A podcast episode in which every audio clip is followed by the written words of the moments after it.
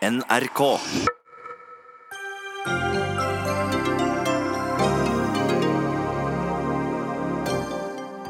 Putin og Trump har akkurat avsluttet pressekonferansen i Helsingfors. De fikk spørsmål om russisk innblanding i valget. Jeg forstår ikke hvorfor det skulle vært Russland, sa Trump da han ble spurt hvem han tror på, sin egen etterretning eller Putin. Og Putin sier at de vil åpne for kjernefysisk nedrustning. Griser gasses før slakting. Barbarisk, mener dyrerettsaktivist, og vil forby metoden.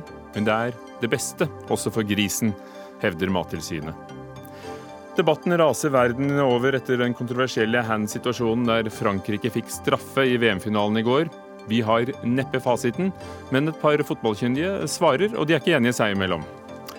Jeg har vært vitne til ekstrem politibrutalitet, sier TV 2-reporter Kadafi Saman, som slapp ut etter en helg i fengsel i Pakistan. Sammen med 38 andre ble han arrestert under en demonstrasjon. Og hva sier det om valget i neste uke?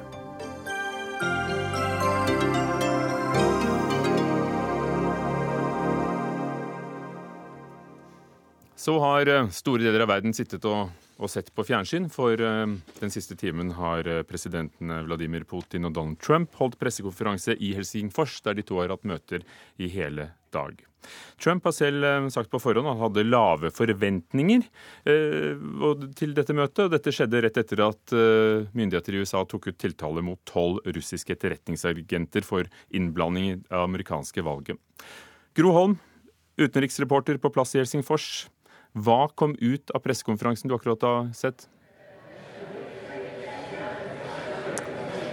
Hvis vi skal starte med disse tolv, så, så sa eh, Putin ja vel, send oss en henvendelse, et brev om disse tolv, så skal vi se på det. Og så tilbød han eh, eh, amerikanske spesialetterforskere å komme til Moskva, delta i avhørene av de tolv, hvis, som han sa, og forutsatt at, eh, USA, eh, at eh, Putin og, og, og Russland kunne gjøre det samme, få de samme rettighetene når det gjelder folk de ønsker å avhøre i USA. Akkurat. Hva uh... Så det, det, var det ene. Det var, det, var, det var, den saken.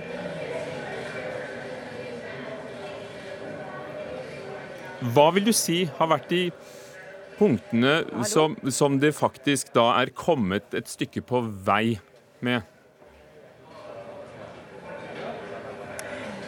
Ja, det som ble, som ble, antydet her, særlig fra Putins side, er at de skal samarbeide når det gjelder Syria, og å sikre grensene, sikre Israels grenser også, mot da altså Underforstått, han nevnte ikke Iran, men underforstått eh, eh, mot uh, eventuelle iranske ønsker om å utnytte den posisjonen de nå har i, i Syria. Det var det ene. Og når det gjelder atomvåpen, så var de enige om å Eh, gjenoppta samtaler om, eh, om, eh, avtalen om langtrekkende atomvåpen. Det er en avtale som utløper i eh, februar 2021, og da var man altså enige om å, om å snakke sammen. Og så eh, ble det sagt at man vil danne et råd av forretningsmenn med, altså fra begge land for å se på hvordan man kan samarbeide økonomisk. Og dette er jo potensielt eh, et minelagt territorium, særlig eh, på amerikansk side, fordi man jo har en sanksjonspolitikk i kraft. Og et slik råd som skal samarbeide om hvordan man kan samarbeide mer, se på hvordan man bedre kan samarbeide om økonomi, eh, det kan bli veldig, veldig kontroversielt i USA. Og så sa Putin også at det er selvfølgelig ting vi ikke er enige om. Ble det utdypet? Eh, nei, det ble ikke, det ble ikke utdypet videre. Men, men, det er klart at, at, det er det jo. Altså, han, han, nevnte jo Krim. Han sa at vi, har, vi vet at vi har forskjellige syn på, på, Krim. Og han ble spurt om hva har du fått beskjed om er Trumps syn. Og da sa han jeg vet at eh, president Trump ikke uh, støtter uh, Han sa ikke Krims annektering, selvfølgelig. Han sa at Krim igjen er innlemmet i Russland. Men det er vårt syn, uh, og, og det, den saken er ferdig, sa Putin. Han er altså overhodet ikke åpen for videre forhandlinger der. Og Hvor mye av det som er sagt i dag, og som de har drøftet, er de komme til på tomannshånd, som da Trump visstnok liker å gjøre det. De har jo også hatt et møte på tomannshånd bare med hver sin tolk. Og hvor mye er et resultat av, av forberedelser og et diplomatisk arbeid som, de, som vel foregår hele tiden? Ja, Det vet vi jo ikke. Rett og slett fordi at det som er snakket om på tomannshånd, det vet bare de to. Og eh, hva som er snakket om under lunsjen, hvor det var flere til stede fra begge sider, det, det, det vet jo de som var til stede der. Det, det vi har hørt, er at eh, utenriksminister Lavrov, altså den russiske utenriksministeren, eh, har, har skrytt dette møtet opp i skyene og sagt at det var supervellykket. Eh, så, så, det er tydelig at russerne er svært fornøyde med dette, dette møtet. Eh, og så eh, må vi vel anta at når det gjelder dette med innblanding i valg, eh, så hørte vi også på pressekonferansen at eh, Trump eh, ikke var villig til å på en måte overprøve Putin i hans versjon, nemlig at de eh, ikke har hatt noe med eh, dette valget å gjøre. Så, der er det klart at der er, har, president Putin all grunn til å være veldig fornøyd. Det er mye som tyder på at Trump ikke har villet presse han i den saken under det møtet de to har hatt alene. Og der fikk han jo krasse spørsmål fra de amerikanske journalistene fra både Reuters og Associated Press om hvem tror du på, er det Eh, er det vår egen etterretning, eller er det eh, Putin? Eh, hvem kan vinne ut av disse spørsmål- og svarrundene, vil du si? Nei, Det var helt uten tvil Putin. fordi Eh, når eh, USAs president ikke er villig til å si at han stoler mer på sine egne eh, etterretningsorganisasjoner enn på Putin, så er jo det en seier for Putin i utgangspunktet. Han sa jo det at jo, jeg har full tillit til mine etterretningsfolk, men i praksis så har han jo ikke det da, siden han ikke stoler på deres versjon. Og det er klart det er en, det er en seier for, for, Putin. Vi hørte jo heller ingenting på denne pressekonferansen om eh, Skripal-saken, altså altså om denne forgiftningen av den, eh, den russiske eks-agenten, ekspionen eksspionen i, i, Storbritannia. Og der vet vi at statsminister Theresa May, Storbritannias statsminister, hadde bedt Putin om å ta opp saken eh, under møtet. Det vet vi ennå ikke om faktisk skjedde. Tove Bjørgaas, vår korrespondent i Washington DC. Har det rukket å komme noen umiddelbare reaksjoner etter pressekonferansen og uttalelsene som har falt før og nå etter møtene deres? Det har det. Og jeg tror vi kan, må kunne bruke de litt eh, slitte uttrykkene sjokk og vantro her nå. Eh, det er demokratiske politikere som tvitrer at dette er høyforræderi fra Trumps side. Eh, det er veldig mange her som reagerer svært sterkt på at USAs president står ved siden av Vladimir Putin, sier at etterforskningen av det som skjedde før valget, og det altså amerikansk etterretning sier at Russland har gjort, er en katastrofe. Og nærmest gir, som vi hørte Gro Holm også si her, Putin Eh, altså han, han, han, gir inntrykk av at han stoler mer på Putin enn på sin egen, in, eh, egen, etterretning, og også på andre demokratiske institusjoner i sitt eget land. Dette er en pressekonferanse som kommer til å forandre forholdet mellom USA og Russland for mange tiår fremover, tror jeg. Det første spørsmålet han altså fikk fra, fra en amerikansk journalist var holder du Russland ansvarlig for noe i det hele tatt. Eh, er det en forandring i, i hvordan Trump ordlegger seg nå? Altså han, når han innledet pressekonferansen, så leste han jo åpenbart fra et manus. og Da tenkte jeg at kanskje det, kanskje det, kommer noe mer kritisk her etter hvert. Men når han fikk spørsmål, eh, så var han jo der vi har hørt ham før. Donald Trump eh, virker som han står nærmere Vladimir Putin enn han f.eks. står EU, som han i et intervju med CBS eh, i går sa er en av USAs viktigste fiender. Eh, det er en, en, et verdensbilde vi ikke er vant til å se. For Donald Trump så handler dette selvfølgelig først og fremst om at han mener at han vant presidentvalget i 2016 ved egen maskin, fordi han hadde den beste valgkampen. Det snakket han også mye om på denne pressekonferansen. Men her er det altså snakk om at hans egen etterretning mener at de har bevis for noe som har skjedd. Eh, og, og, så står altså ikke USAs president opp for USAs interesser når han da møter den som skal eh, ha stått bak dette. Eh, og det er noe vi overhodet ikke har sett maken til før. New York Times kommenterte i går at at Putin vinner uansett, bare fordi møtet finner sted. Og Vi hørte jo hvordan Gro Holm ola seg fra, fra Helsingfors. Er det, er det en oppfatning du også har? Ja, jeg, jeg, tror vi kan si det. I går så sa også eh, USAs ambassadør til Russland, John Huntsman, at dette ikke var noe toppmøte. At det bare var et vanlig, nærmest uformelt møte de to skulle ha. Men når Vladimir Putin kom ut på den pressekonferansen i, i, i ettermiddag, så sa han at de hadde hatt fruktbare og vellykkede forhandlinger. Han brukte ordet forhandlinger. Han snakket veldig formelt om alt de hadde diskutert, om alt de hadde blitt enige om, og hevet dette da altså opp på et helt annet nivå.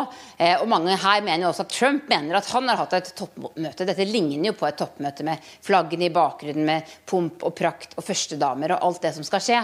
Eh, så, så eh, at Trump kom seirende ut av dette, det er derfor jeg har ikke sett noen her som ikke mener det. Det er selvfølgelig et splittet land, dette, men det er også mange på republikansk side som synes at det som har skjedd i dag, er svært bekymringsfullt. Gro Holm i Helsingfors, etter møtet med Kim Jong-un, eh, Nord-Koreas eh, leder i Singapore, så sa kritikerne at egentlig så er det ikke oppnådd noen verdens ting. Etter det som er blitt sagt hittil, eh, kan du med dine øyne se at det, at, at det, har skjedd en forskyvning i noen av disse spørsmålene? Du var innom uh, både Syria og dette med mulige avhør av tiltalte etterretningsoffiserer. I Jeg tror det er for tidlig å si om eh, hvilket avtrykk dette vil få i, i form av konkret politikk framover. Uh, dette med avhør tror jeg ikke noe på. Uh, ingen av veiene. Men det er klart at når det gjelder det, mest, det, minst kontroversielle, er nok dette å, å, begynne, å begynne, prosessen for å forlenge avtalen om langtrekkende atomvåpen. Det tror jeg er helt ukontroversielt. Og så er det spørsmål om Syria. Hvor mye makt vil USA gå med på at Russland får der? Og vil man helt oppgi eh, forsøket på å støtte opposisjonen mot, eh, mot president Assad. Eh, det kan virke som om de to nærmest nå er enige om det. Men der vet vi ikke hvordan, hvordan de neste ukene vil se ut. Så ja, jeg tror at det har eh, skjedd en forskyvning. Og det er selvfølgelig for eh, de allierte i EU som har bak seg et toppmøte hvor han kom med utfall etter utfall. Eh, først mot eh, forbundskansler Angela Merkel og eh, siden mot eh, Teresa May bl.a. Eh, så, så fremtoner dette denne hyllesten av hverandre. Hyllesten av hverandre. At Trump står der og, og snakker om hvor godt og, og nært dette forholdet og dette møtet har vært. Det er selvfølgelig en uh, utrolig stor provokasjon. Mm. Og det kan bli vanskelig å reparere uh, det forholdet, tror jeg. Men uh, det er for tidlig å si hvilke konsekvenser det får på lengre sikt. Er det uproblematisk i, i Russland at Putin har nærmet seg på noen områder Trump? For det er jo tegnet et ganske svart bilde av USA på hjemmebane i, i, i Russland?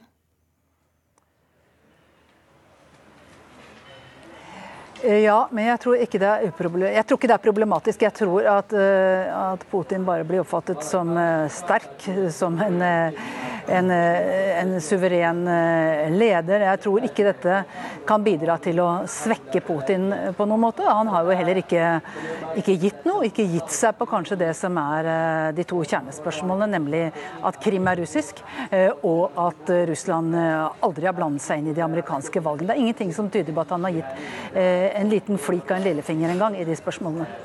Takk skal du ha, Gro Holm, som har fulgt møtet i Helsingfors. Og Tove Bjørgaas, da blir vel splittelsen mellom demokrater og republikanere enda dypere da, i USA?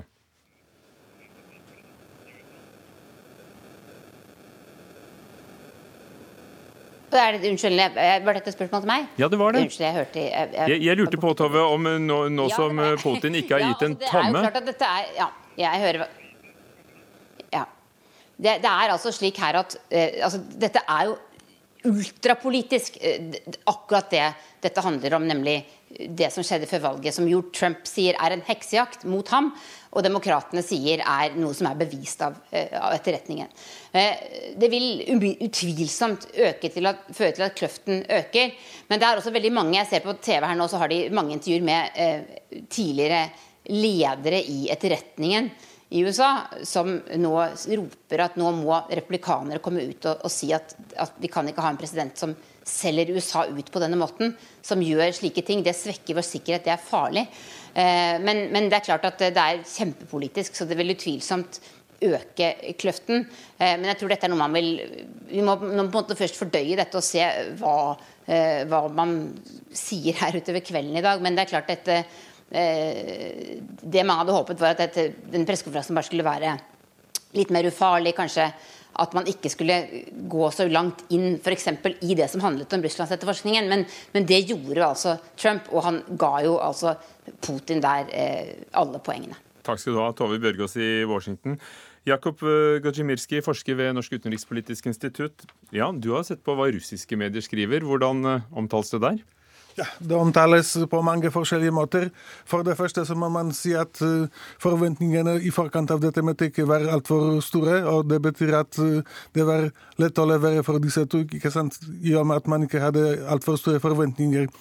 Eh, for det andre så er det et viktig forhold USA eh, å ha et godt forhold eh, til USA, eller i det hele tatt ha et forhold til USA, fordi det er det eneste landet som veldig mange i Russland mener er verdt å sammenlignes med. ikke sant? Og Putin har definitivt hatt veldig mye å si her. Og vi må også huske at vi snakker om uh, mellom to statsledere som av to svært forskjellige maktpyramider. ikke sant? Putin har sittet eh, med makten i Russland i nesten 20 år. Han har mye erfaring, han har bakgrunn fra den sovjetiske etterretning, han vet hvordan man skal forholde seg og håndtere mennesker, ikke sant? mens eh, Trump eh, har sittet med makten i USA i mindre enn to år, og han har ikke så veldig mye politisk erfaring, så han var kanskje lett å manipuleres.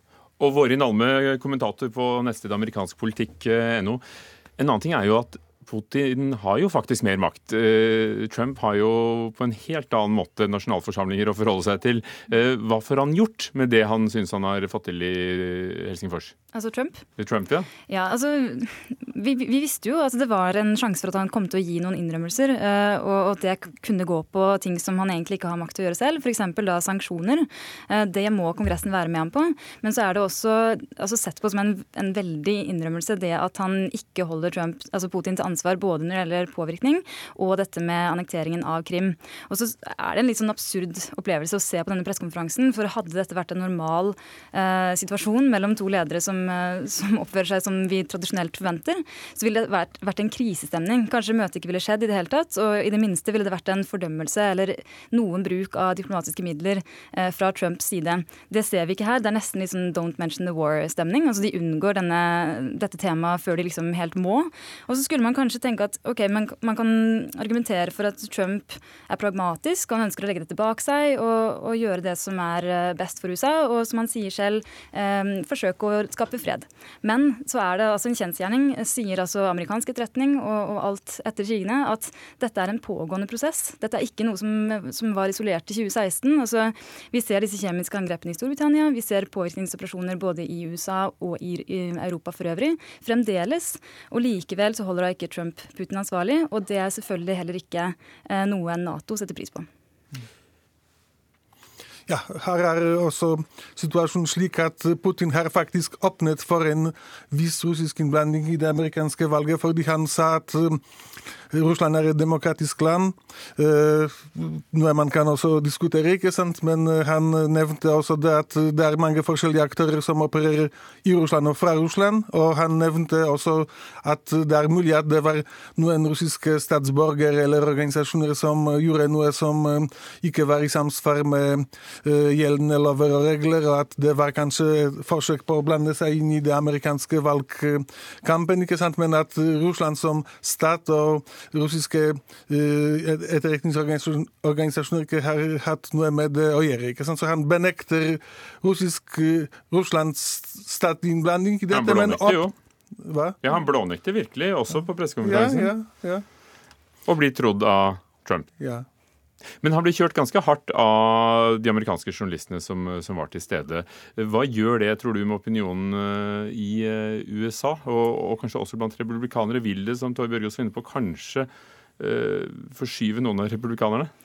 Ja, altså Det er alltid vanskelig å spå sånne ting, men, eh, men, nå er det jo sånn at pressen da blir forhatt uh, av Trump og mange av hans støttespillere, og, og, at de gjerne scorer noen poeng med, med å anse dem som uh, unødvendig kritiske, og til og med kanskje del av en heksejakt, som, som, Trump har sagt selv. Men så vet vi også at det er en kjensgjerning at republikanere tradisjonelt også nå ønsker seg en tøffere linje mot Russland, og særlig i denne settingen.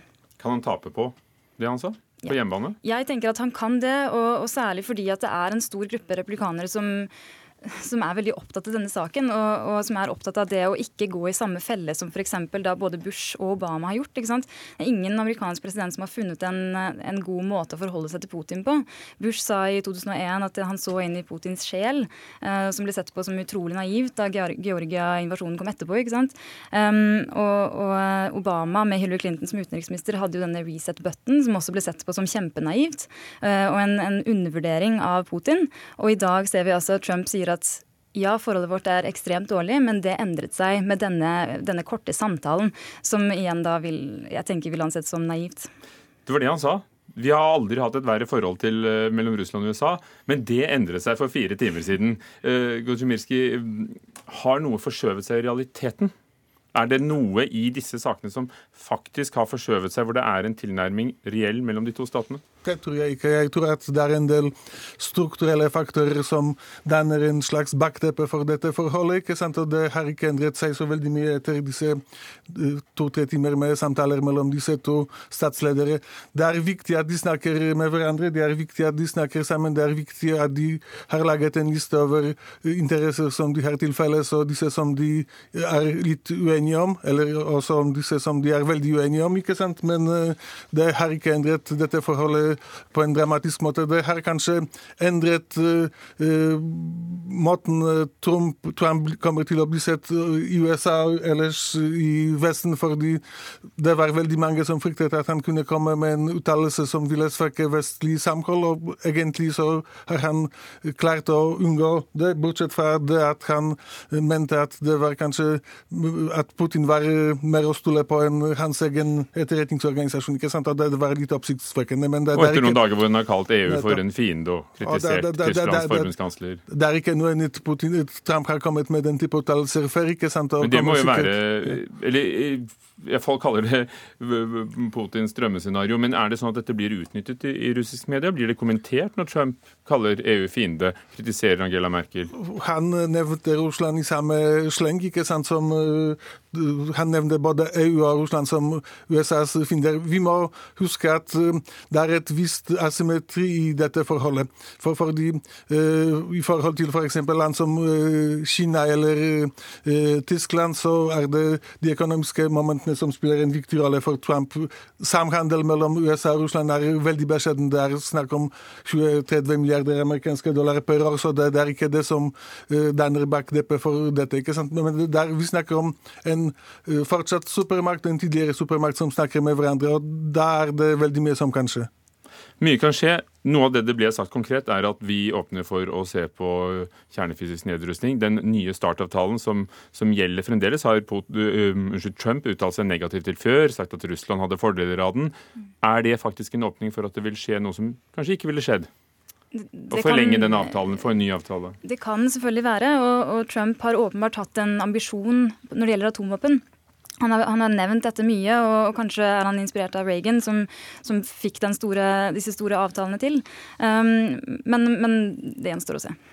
For dere som forskere og kommentatorer, eh, var det spennende å se? Det var definitivt spennende. Det er alltid viktig å se når to alfahanner befinner seg i samme rom, ikke sant? og hvordan de forholder seg til hverandre og til denne sakslisten som de måtte ha drøftet. Sier det noe om politikken? Hvordan de ser på hverandre og snakker? Ja, absolutt. Og, og, her må jeg bare si at eh, legitimitet til det Putin ønsket seg legitimitet til, det, det ble jo gitt ved ikke å nevne det spesifikt. Mm. Takk skal dere ha. Våre navne, kommentator på amerikansk politikk.no og Jakob Godzimirski, forsker ved NUPI. Dagsnytt 18 alle hverdager kl 18.00 på NRK P2 og NRK2.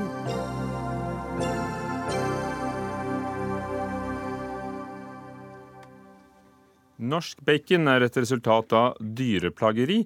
Det mener Samuel Rostøl, dyreaktivist og initiativtaker til kampanjen Forby CO2-gassing av gris. Slaktemetoden innebærer altså at grisene bedøves ved hjelp av innånding av CO2-gass før de avblødning under slaktning. og Det er det det heter, avblødning. Kampanjer han har fått oppmerksomhet i sosiale medier. 6500 mennesker har eh, underskrevet eh, og om, på dette oppropet om å forby CO2-gassing. Elisiv Tolo, spesialveterinær innen bedøving og avliving i eh, Animalia, som forsker eh, nettopp på vegne av bransjen selv på, på hvordan vi eh, behandler dyr. Hva innebærer slaktemetoden som, som benyttes på gris? Den innebærer at uh, i de moderne fellene som brukes i Norge, at man slipper en gruppe på 9-12 griser ut av oppstallingsbingen de har stått i, og så går de i rolig tempo inn mot bedøvingsanlegget. Så åpner det seg en liten port, og tre til fire griser slippes inn rett foran bedøvingsanlegget. Så går en port til en slags heis opp. Og dersom grisen ikke har gått inn dit av egen vilje etter tre sekunder, så blir de skjøvet sakte inn av en drivlem.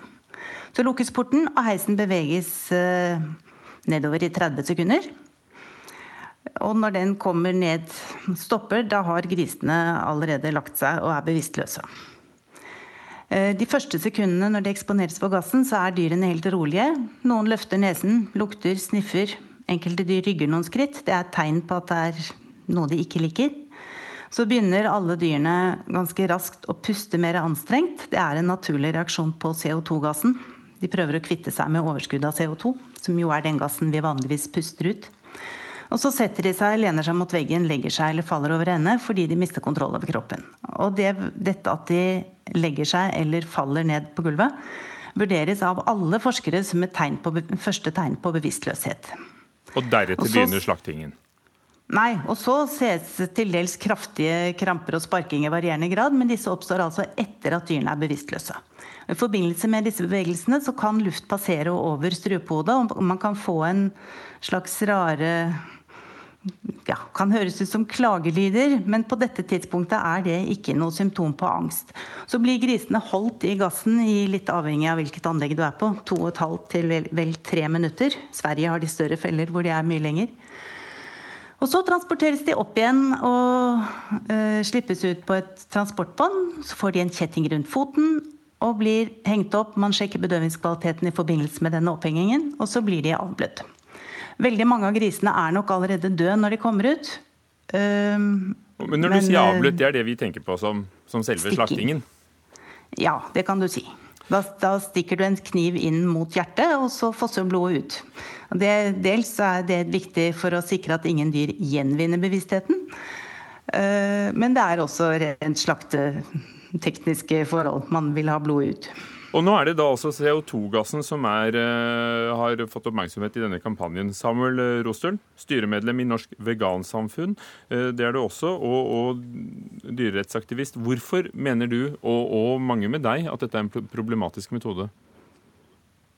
Hei, og tusen takk for at jeg får med på denne debatten. Um, det vi egentlig vil få frem, er nokså enkelt. og det er at Den måten animalier og naturer fremstiller det her på, ikke er riktig.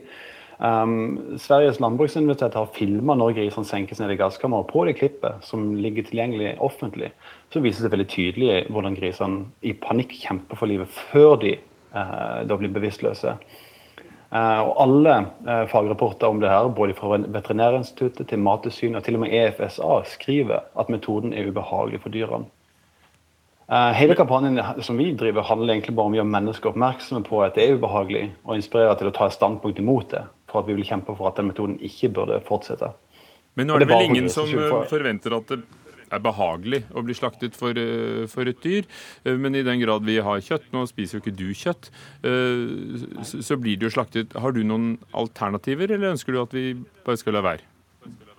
Altså det, det, er et veldig bra spørsmål. og det, jeg synes det er passende, fordi det, Greia handler om at det er ikke, det er ikke det er ikke at det er ubehagelig å dø for alle, kan kanskje vi være enige om, men måten det gjøres på er veldig ulik fra dyr til dyr. Det er akkurat det med grisene at de sitter der eh, da, i opptil et halvt minutt før de besvimer av. De kveles av en smertefull gass som svir i halsen i dette halve minuttet. Mm. Eh, og jeg personlig er ikke en autoritet på det å ta liv. Jeg jobber for å få slutt på en smertefull praksis. Jeg mener at det Spørsmålet om hvilke alternativer som finnes, burde stilles til Nortura eller Animalia. Men Animalia, de dere er jo da et forskningsinstitutt, dere er uavhengige, men, men dere betales jo av, av Nortura bl.a. Eh, Elise Tolo eh... Prinsert, da. Unnskyld? Ja. Vi betales i utgangspunktet av en kjøttavgift som betales av alle gårdbrukerne. Mm. Det er sant. Og, og var tidligere inntil 1.1 eid av Nortura. Eh, ja. Elisif Tolo, er Er du enig i, i, beskrivelsen her? Um... Nei, jeg er ikke det. Jeg er enig, helt enig med Samuel Rostøl at uh, gassbedøvingen ikke har en øyeblikkelig effekt. Og det er dessverre de sekundene det tar før de mister bevisstheten, er forbundet med ubehag. Uh, mange forskere har lett etter alternativ siste 30 år uten at det har kommet gode alternativer. Derfor så brukes, vurderes CO2 fortsatt som beste alternativ. Og da kan vi jo si at altså, Avliving av dyr skal skje så skånsomt og sikkert som mulig, men ingen metoder er helt uproblematiske. Og hvilken metode som egner seg best, kommer an på dyreart og på kategori. Både storfe, sau og gris er flokkdyr, og de liker ikke å bli skilt fra de andre dyrene når de befinner seg i et fremmed miljø, som de gjør på slakteriet. Og dette er ekstra viktig ved håndtering av gris, fordi de gir høylytt uttrykk for for det hvis du gjør noe de ikke liker. Og det stresser de andre dyrene på fjøset også. Så dere mener det er det beste for, for grisen, altså? Ja, vi mener at det er det beste for grisene. For dyr som er stresset, er vanskeligere å bedøve. Det vet kanskje de som har hatt en hund med til veterinæren. Altså, ting, ting virker annerledes hvis du er redd i forkant. Eh, men det er flere grunner til at bruk av moderne anlegg med gruppevis bedøving og høye gasskonsentrasjoner vurderes som beste praksis til gris i dag. For det første så har vi rolig håndtering, ingen bruk av tvang, lavt stressnivå, ikke noe hyl eller skrik eller plaging. Og da blir kjøttet bedre òg, gjør det ikke det? når det ikke er stress? Det blir det også. Samuel Rostøl, det Men det er også veldig viktig at bedøvingsmetoden har veldig høy sikkerhet. For det vil vi jo at alle grisene skal være bedøvet før de avlives. Mange av grisene dør i praksis før avblødning, så er det veldig liten risiko for menneskelige feil ved gassbedøving. Det er også viktig. Alle menneskelige feil er en veldig vanlig årsak til at noe går galt. Men nå, nå tror jeg vi har hørt så, så mye om, om de, de, de, mange grunnene for at det er sånn. Så Samuel Rostøl, når, når, du også da har, har, hørt og du har sikkert satt deg inn i dette, eh, er det likevel kanskje den, den minst ille av metodene som fins? Selv sett fra ditt synspunkt? Nei, Uh, og, Grunnen til det er at, at uh, jeg liksom glemmer å nevne at jeg har gjort en del forskning på andre alternative gasser som jeg synes de burde ha mye bedre oversikt over enn hva de gir inntrykk av nettopp her. Men, men, men, problemet uansett for min del er ikke akkurat det. så nå nevner Jeg spiser ikke dyrene uansett. Men slik jeg ser det i dag, så er denne metoden ikke god nok. Den er smertefull for grisene, den er plagsom for grisene. Det, det innrømmer selv Nortura i en e-post. Og så lenge det er slik, så kan du mm. sammenligne det her med å se en hund, noen sparke en hund på gata, og noen gjør det, og du ikke gjør noe. Men du venter til du har et alternativ. Det er ikke min oppgave å finne alternativet. Det er min oppgave å si det er ikke OK å sparke hundene. Og I dette tilfellet snakker vi om griser som, som opplever en smertefull avslutning på livet. Eh, og jeg, jeg syns ikke at det er grisene som burde betale priser for at vi skal ha billig bacon. Jeg syns verken eh, grisene eller andre dyr som skal det. Det er Nortura, og det er forbrukeren som burde betale den prisen. Men, men, uh... Sparker du en gris på Nortura, så er det oppsigelsesgrunn. Det gjør Nortura snakker, ikke. Nå snakker, og når det gjelder men nå snakker jeg ikke om selve sparkingen, nå snakker jeg om akkurat gassmetoden. Ja.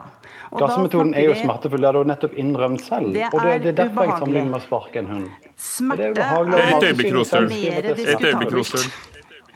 Det er, veldig, det er gjort veldig mye forskning på dette her, og det er på dette området som på andre sånn at ikke alle forskere får akkurat samme resultater.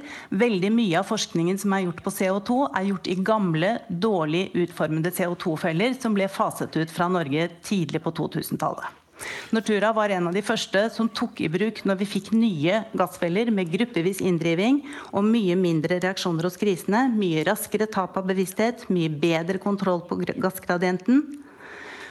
Så forsvant mange av problemene. Men ja, det er fortsatt et visst ubehag. Mennesker har eh, Kan vi stoppe der ved visst ubehag? Ja. Og så har jeg lyst til å bringe inn Torunn Knevelsrud, som er seksjonssjef for dyrevelferd eh, ved Mattilsynets hovedkontor. Er det smertefullt for grisene? Det er iallfall sånn at uh, uansett bedøvingsmetode, så uh, er det risiko for ubehag og lidelse hos dyr. Derfor er dette veldig strengt regulert. Uh, og det er noen få bedøvingsmetoder som er tillatt, og som er veldig godt dokumentert. Og da det gjelder slaktegris, så er det strøm og CO2-bedøving som er aktuelt som tillatte metoder i dag. Og CO2 brukes jo da i mer enn 90 av det tilfellene. Er det fordi det lønner seg, eller fordi det er best for grisen?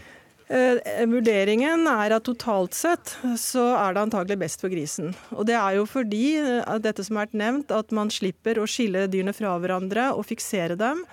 Eh, det er mye større risiko for, for feil, å gjøre feil når man bruker strømklemmen. Eh, sånn at dyr faktisk risikerer å ikke være bedøvd ved stikkingen. Og de kan også eh, våkne veldig mye fort, fort opp etter strøm. Slik at det er totalvurderingen av hele situasjonen av driving, håndtering, fiksering og avliving eller bedøving som eh, er under vurdering. Så et visst ubehag tolererer dere, eller altså vi som samfunn? Ja, vi som samfunn tolererer et visst ubehag i forbindelse med hold og avliving av dyr. Hva gjorde man Men, i gamle dager med grisene? Eh, ja, Før man begynte med CO2, så brukte man strøm, og i ordentlig gamle dager så bedøvde man jo ikke i det hele tatt. Eh, der har vi heldigvis langt, eh, kommet langt lenger. Det går jo også an i og for seg å bruke boltpistol mot hodet, men man må huske at på et slakteri så skal man håndtere veldig mange dyr på en relativt kort tidsperiode. Eh, så å håndtere ett og ett dyr på en rolig og avbalansert måte uten stress på dyret, det er ikke i praksis mulig på et stort slakteri i dag. Hvis boltepistol hadde det vært bedre, så fikk heller baconet koste mer enn 19 kroner pakken? Jeg tror ikke nødvendigvis det er bedre, for da er du avhengig av igjen å håndtere enkeltdyr og fiksere dem og eh, treffe korrekt med boltpistolen, og det er alt det stresset som hører til der. Griser blir veldig stresset av den type håndtering. Men det er klart, alle ønsker en best mulig metode, og det forskes, som det sier her, på andre gasskombinasjoner. Og man har ikke nådd i mål på det ennå, så det er ikke dokumentert at det finnes en metode som er bedre per i dag. Men det er ikke det samme som man ikke leter etter det. Rostøl. Ja. Det forskes på nye metoder. I dag er dette det beste vi har. I gamle dager så fikk de ikke noe bedøvelse i det hele tatt. Hva sier du? Nei, nettopp. Uh, jeg, jeg, jeg, gjentar nok egentlig det, at det jeg, har sagt tidligere. EFSA, som er europeiske sikkerhets, uh, matsikkerhetsavdelinger, de sier at de har forska på metoder som er alternative, men som koster mye mer. For de tar mye lengre tid før de, dyra er bedøva. Men det vil være gasser som ikke, ikke forårsaker smerte. Uh, og Det må jo Mattilsynet og, og animaler kjenne til. Eh, I tillegg så har vi jo, Det står jo til med Lovdata at, at vi anbefales å fase ut bruken av karbondioksid, men det oppfattes, omfattes ikke av forordningen, forordningen fordi konsekvensanalysen viser slik anbefaler ikke økonomisk gjennomførbar. Det handler altså fortsatt om penger. Men La oss få en slutt, eh, sluttreplikk på dette fra Elisiv Tolo i Animalia. Er det sånn at det er noen alternativer som kan komme, og så får de heller koste mer? Så får kanskje noen spise litt mindre? Per i dag så har vi ingen bedre alternativer. Det som brukes, Forskes det på alternativer som er, er de rundt hjørnet? Ja, det har vi gjort. Det har pågått diskusjoner blant forskere de siste 30 årene, og det går litt i ring. Man har jobbet med nitrogen, man har jobbet med argon, man har jobbet med ulike former for automatisk elektrisk elektrodeplassering. Ehm, men det er ingen klare indikasjoner på at noe av dette er bedre enn CO2. Det siste tilskuddet som har kommet, er noe som kalles low atmosphere pressure stunning. En slags eh, Du, du fjerner luften istedenfor å tilsette noe. Det er tillatt på kylling, ble tillatt i EU i mai. Eh, det har vært diskutert sist på et stort seminar i juli i fjor om dette kan være en løsning for gris. Men selv for kylling så er det vurdert som i beste fall like bra, ikke som bedre enn CO2. Det er vi får si det sånn at vi følger utviklingen. Takk skal dere ha, alle sammen. Elisiv Tolo, spesialveterinær i Animalia. Torunn Knevelsrud ved Mattilsynet og Samuel Rostøl, som har tatt initiativet til kampanjen mot eh, CO2-gassing av gris.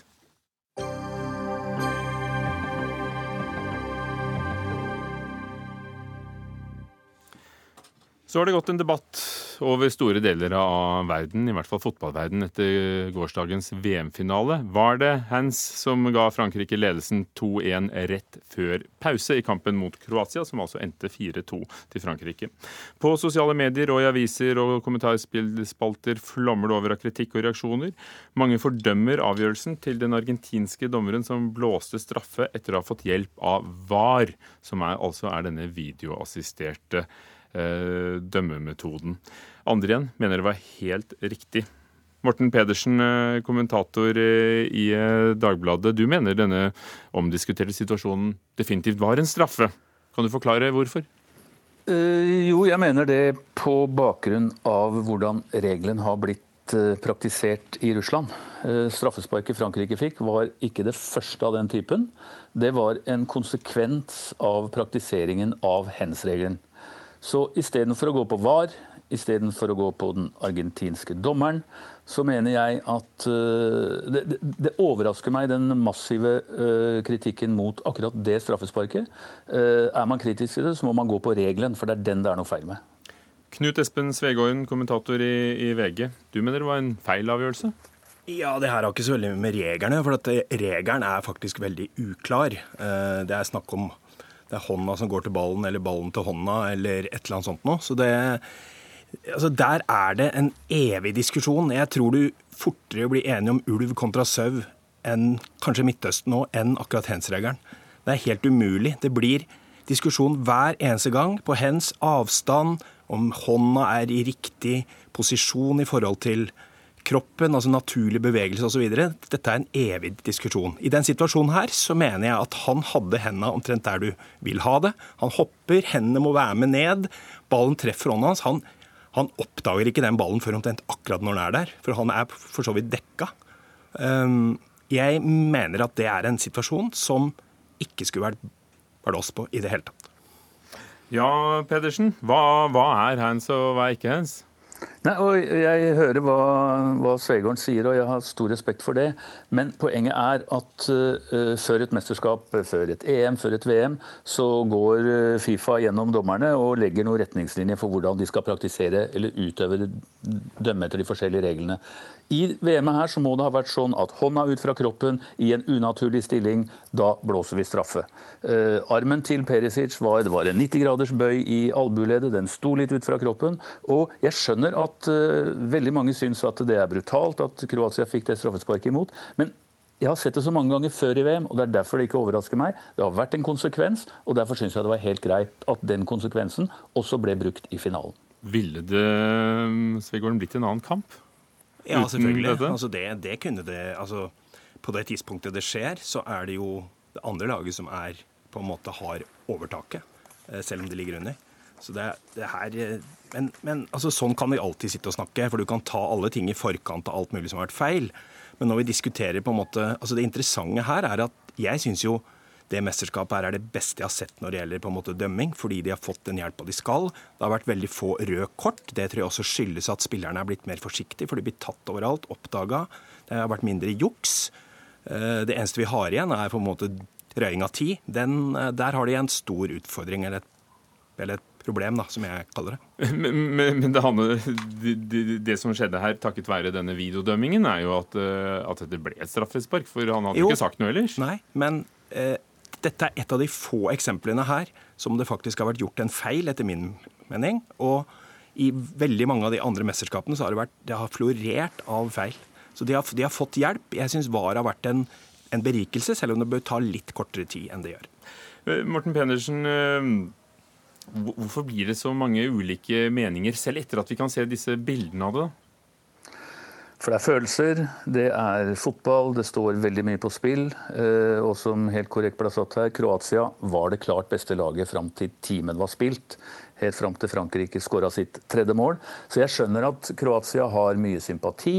Eh, de er den lille nasjonen mot de store osv. Og, så, og sånn har alltid fotballen vært, og sånn vil, sånn vil fotballen alltid være. Eh, men jeg er helt enig. VAR har vært en berikelse, eller er en berikelse for fotballen. Jeg håper også Uefa, det europeiske Forbundet implementerer dette her. Vi har sett at holdninger som vi før lot passere, har gitt straffespark. Veldig, veldig bra.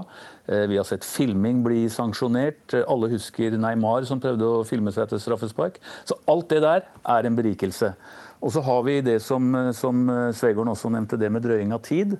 Eh, nå er det sånn i fotballen at eh, episoder dommeren ikke får med seg, kan sanksjoneres i ettertid ved bruk av video. Jeg skulle ønske Fifa, og da også Uefa, vil gå inn og se på, eh, eller legge det inn i reglementet, sånn at man kan straffe disse jeg håper å si bøllene som, som, som drøyer, som drar ut tida, og som sørger for at det går tre minutter fra et straffespark eller et frispark er dømt, til det blir effektuert. Det hadde også vært en enda større berikelse, mener jeg. Så var, Da sitter de altså i videorommet. Eh, det er første gangen eh, det er blitt brukt under et mesterskap. Er du enig? Burde det eh, innføres rundbaut?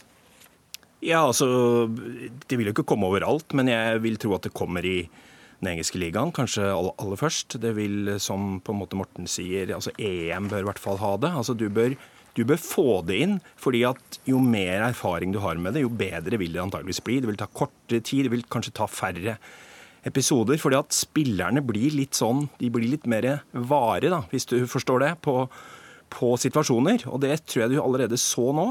og Derfor så mener jeg at dette her er en veldig bra ting. Eh, det må bare bli på en måte litt mer innlært og ta litt kortere tid. Dere, Var det et godt mesterskap? Jeg syns absolutt det. Eh, jeg synes Spesielt i starten syns jeg det var et veldig godt mesterskap. Så syns jeg det falt litt etter hvert. Eh, det kan ha litt med mesterskapet er langt, men jeg syns det var mange gode kamper, særlig i starten. Pedersen, hvordan har de vært, dagene? Jo, det har vært veldig bra, og så har det vært sjokkerende. Eh, det er nesten utenkelig at Tyskland skal ende sist i ei gruppe med Sør-Korea, Mexico og Sverige. Det er nesten uforståelig at Brasil ryker ut som de gjør. Eh, som for en gangs skyld hadde et forsvar på plass, og som hadde en offensiv kraft eh, verden kanskje aldri har sett maken til. Men jeg tror det må være noe med mentaliteten til Brasil som, eh, som, som ødelegger det fotball, fotballaget. Jeg, jeg, hadde litt kontakt med Sven Gøran Eriksson, tidligere England-manager i løpet av VM, og han sa han, årsaken hans, eller som han sa, at de gråter når de vinner, de gråter når de taper, og de gråter når de ikke får det dommeren eller de mener de skal få fra dommeren. og Det har med mentalitet å gjøre, og det ødelegger for Brasil. Mm. Ja, jeg er enig i eh, at det også ble litt svakere etter hvert. Jeg er overraska over England, men jeg er ikke overraska over at Frankrike vant. Alt i alt det beste laget. Takk skal dere ha. Morten Pedersen fra Dagbladet og Knut Espen Svegården fra VG.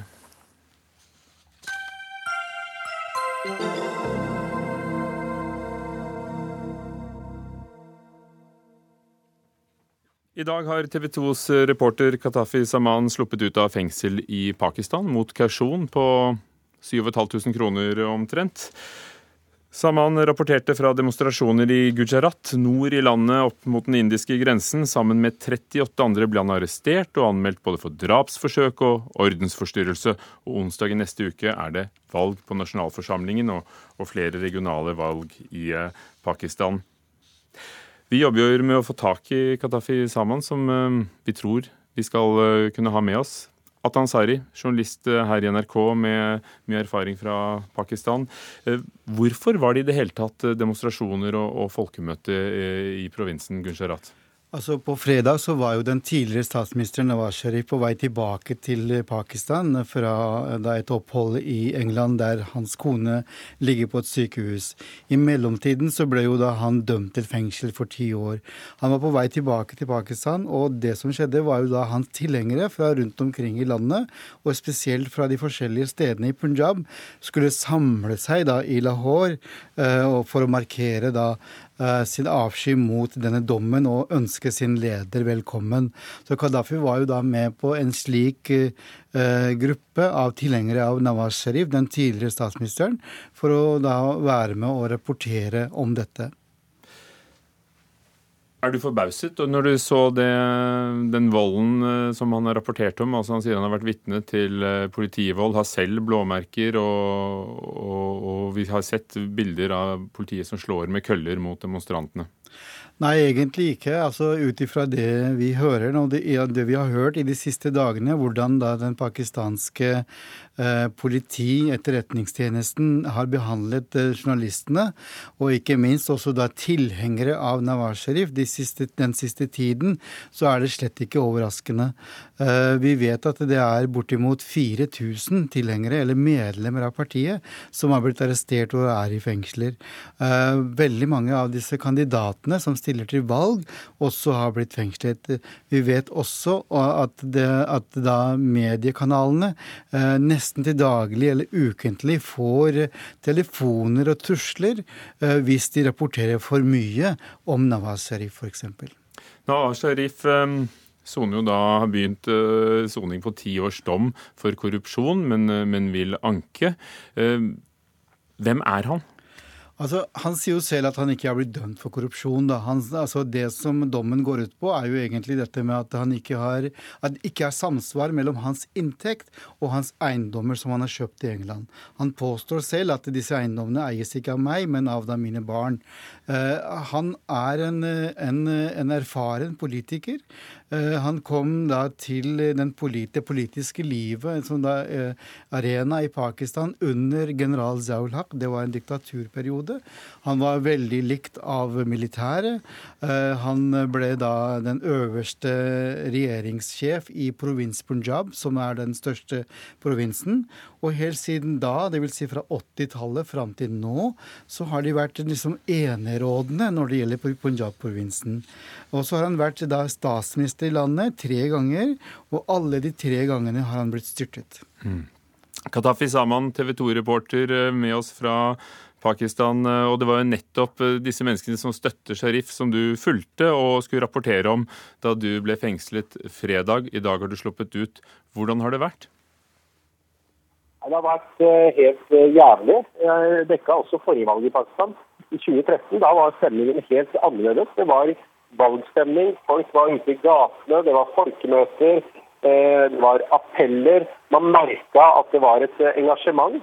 Denne gang så er det helt annen stemning. Det er strenge restriksjoner på hvordan de forskjellige politiske partiene kan gjennomføre valgkamp. Det er ikke lov til å ha store samlinger, det er ikke lov til å demonstrere. Eh, det er restriksjoner på til og med hvordan valgplakatene ser ut, hvilket materiale de er laget av. I tillegg så er det veldig strenge restriksjoner på lokal presse på hvordan de skal dekke og formidle eh, valgkampen. Så for meg var dette en helt ny eh, opplevelse. Var denne demonstrasjonen i utgangspunktet et lovlig folkemøte? Var, var dette noe som alle antok at kunne gå bra? Ja, altså, De har sagt at store folkemøter eh, ikke er lov. Eh, så sier eh, Det som var spesielt denne fredag 13. juli, var at tidligere statsminister Nawaz Sharif, som nå har fått ti års fengsel for korrupsjon, han skulle lande i Pakistan samme dag. Og Da var det knyttet stor spenning til hvor mange av hans støttespillere som ville komme ut i gatene og vise solidaritet.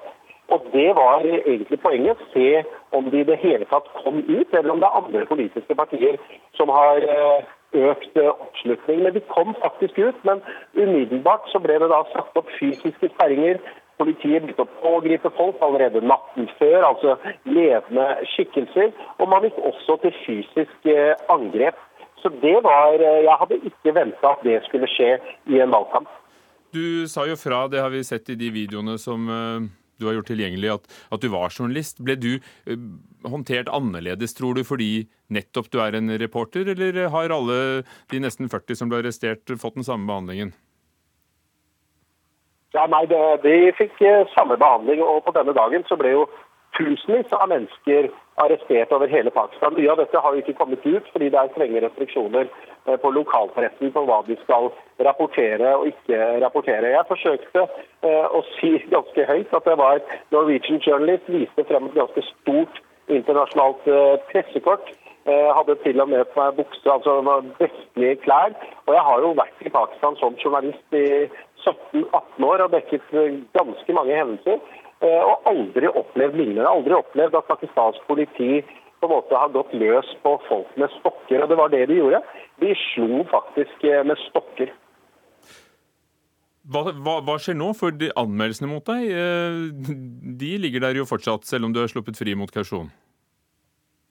Ja, jeg, fikk, eller jeg ble del av en masseanmeldelse hvor det var 40 stykker i en anmeldelse. Det som er litt spesielt med den anmeldelsen, er at Politiet mener at jeg har vært på to steder samtidig og forsøkt å frata politifolk mobiltelefonen og angripe dem. Eh, de to stedene er 40 km fra hverandre, og det skal ha skjedd på samme tid. Og Det var det eh, poenget dommeren tok i dag, og mente da ganske klart at hele dette er fabrikkert og oppspill. Så jeg håper jo at denne saken bare skal gå bort eh, etter hvert, og at man da advokatene tar tak i det og viser hvordan pakistansk politi egentlig fabrikkerer eh, saker mot, eh, mot, journalister. Kan du holde tråden litt til, eh, Saman? Ja. Flott, da gjør du det. Elisabeth Eide, professor i journalistikk ved den tidligere høyskolen i Oslo og Akershus, eh, nå Oslo OsloMet, og forfatter av, av, en bok om Pakistan også.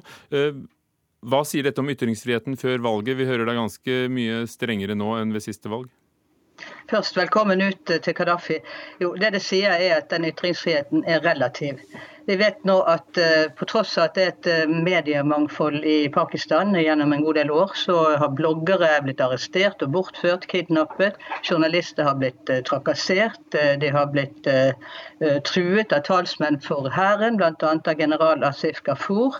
Vi vet at den mest populære TV-stasjonen Geo News har hatt store problemer med å gå på luften. Samme gjelder for avisen Dawn, som også har en TV-kanal.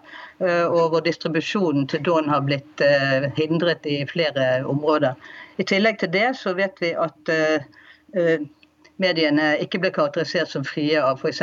Komiteen for å beskytte journalister. Og at Pakistanske Journalistforbundet har kommet med en appell som sier at vi kan ikke ha noe frie valg hvis ikke det finnes en fri presse. Og akkurat nå ser det veldig dårlig ut, og Gaddafis eksempel viser jo også det samme det siste som, En av tingene som skjedde i fjor, var jo at en journaliststudent i Mardan, eh, nordvest-Pakistan, ble lynsjet av sine uh, medstudenter. Og Dette viser noe om at i Pakistan så balanserer journalister på en slags tynn knivsegg mellom på den ene siden staten, hvor du har en slags uh, underlig allianse mellom jusvesenet og militæret, Eh, militære. Det hevder iallfall PMLN, Nawaz Sharifs parti. Og på den andre siden så har du ekstremistorganisasjoner som heller ikke er glade i det frie ord, og som også har angrepet journalister ved flere anledninger. Gjøres det forskjell på internasjonale journalister som TV 2s Kadafi eh, Saman eh, og de lokale? Altså det er jo de lokale først og fremst som har blitt drept, hvis vi ser statistikken litt tilbake i tiden. Eh, I Pakistan har det siden 1992 blitt drept 60 journalister. Og langt flere har blitt skadet og eh, fengslet og sluppet løs igjen, arrestert og mobbet. Eh, men eh, altså, vet, jeg kjenner jo godt til Ahmed Rashid, som er vel den mest internasjonale journalisten du har i Pakistan. Han besøkte jeg sist jeg var i Pakistan i mars i år. Og han eh, har jo væpnede vakter. altså Han lever ikke et veldig trygt liv. Og det gjelder jo veldig mange andre også. Atan Sari, før valget neste onsdag, hvem er det som har interesse av at, at kontrollen er så streng, og at Salman Sharifs tilhengere ikke får lov til å støtte ham? Altså Akkurat nå så har vi jo en interimregjering, og det er jo en ikke-politisk regjering som ikke har så veldig mye fullmakter og politisk makt, men de har en administrasjonsmakt. Dermed så er det lettere for militæret og den såkalte deep state eh, å kontrollere en slik regjering. Og det som Krefter både, inni bak de valgte. Sant? Ikke sant? Og Det er jo det som kanskje er det store store problemet i Pakistan. At konflikten mellom Nawaz Sharif og militæret blusser opp gang på gang. F.eks. hver gang når Nawaz Sharif skal da forsøke å åpne en dialogskanal med India for å da finne en løsning på da, denne konflikten mellom India og Pakistan som har vært i 70 år, så skjer det et eller annet terrorangrep på den andre siden av grensen, eller motsatt. Så det er flere ting som peker i, peker i hvert fall i den retningen. Så jeg tror nok at eh, militæret og etterretningen ønsker liksom å bevare som status quo, mens på en måte da de demokratiske kreftene vil da videre. Mm. Katafi Saman, vet du noe om hvordan det går med, med de andre som ble arrestert? Du har jo hatt eh, et UD og journalistkolleger og en sterk arbeidsgiver i TV 2 som støtter deg, men vet du noe om de andre? Ja, Det jeg vet er at uh, i domstolen så veldig mange av de jeg satt som celle med, og det var mellom 20 og 30 stykker, de har alle blitt løslatt. og Der mente dommerne at dette var eh, politisk motiverte anmeldelser, hvor man egentlig bare ville hindre folk å strømme ut i gatene den eh, fredagen. Men det det faktisk gjør, er jo at folk blir eh, altså satt eh, i apparatet kanskje mange år fremover. Jeg er en norsk borger, mens de er pakistanske borgere. Og de må slite med dette i ganske lang, lang tid eh, fremover. Og så er det andre som fortsatt er fengslet. Og det er helt avhengig av hvilke anmeldelser som da ligger til grunn. Og det som i hvert fall var min eh, lille erfaring nå, eh, men veldig alvorlig erfaring, det er jo at det var snakk om ni eh, punkter. Alt fra forsøk på å stjele mobiltelefoner til politifolk, ganske absurd påstand, til da å fysisk angripe politifolk. Men du gir, det ikke? du gir det ikke i rapporteringen før valget på onsdag? Nei, altså jeg kommer til å fortsette å rapportere, selv om det er blåmerker og, og sår på store deler av kroppen. Jeg mener at Takk, Kadafi Saman, takk skal du ha. Og takk for at du var med, for det var vår tilmålte tid. Og takk til Atan Sari Elisabeth Eide. Lisbeth Sellereite var teknisk ansvarlig, Fredrik Lauritzen produsent. Takk for i dag.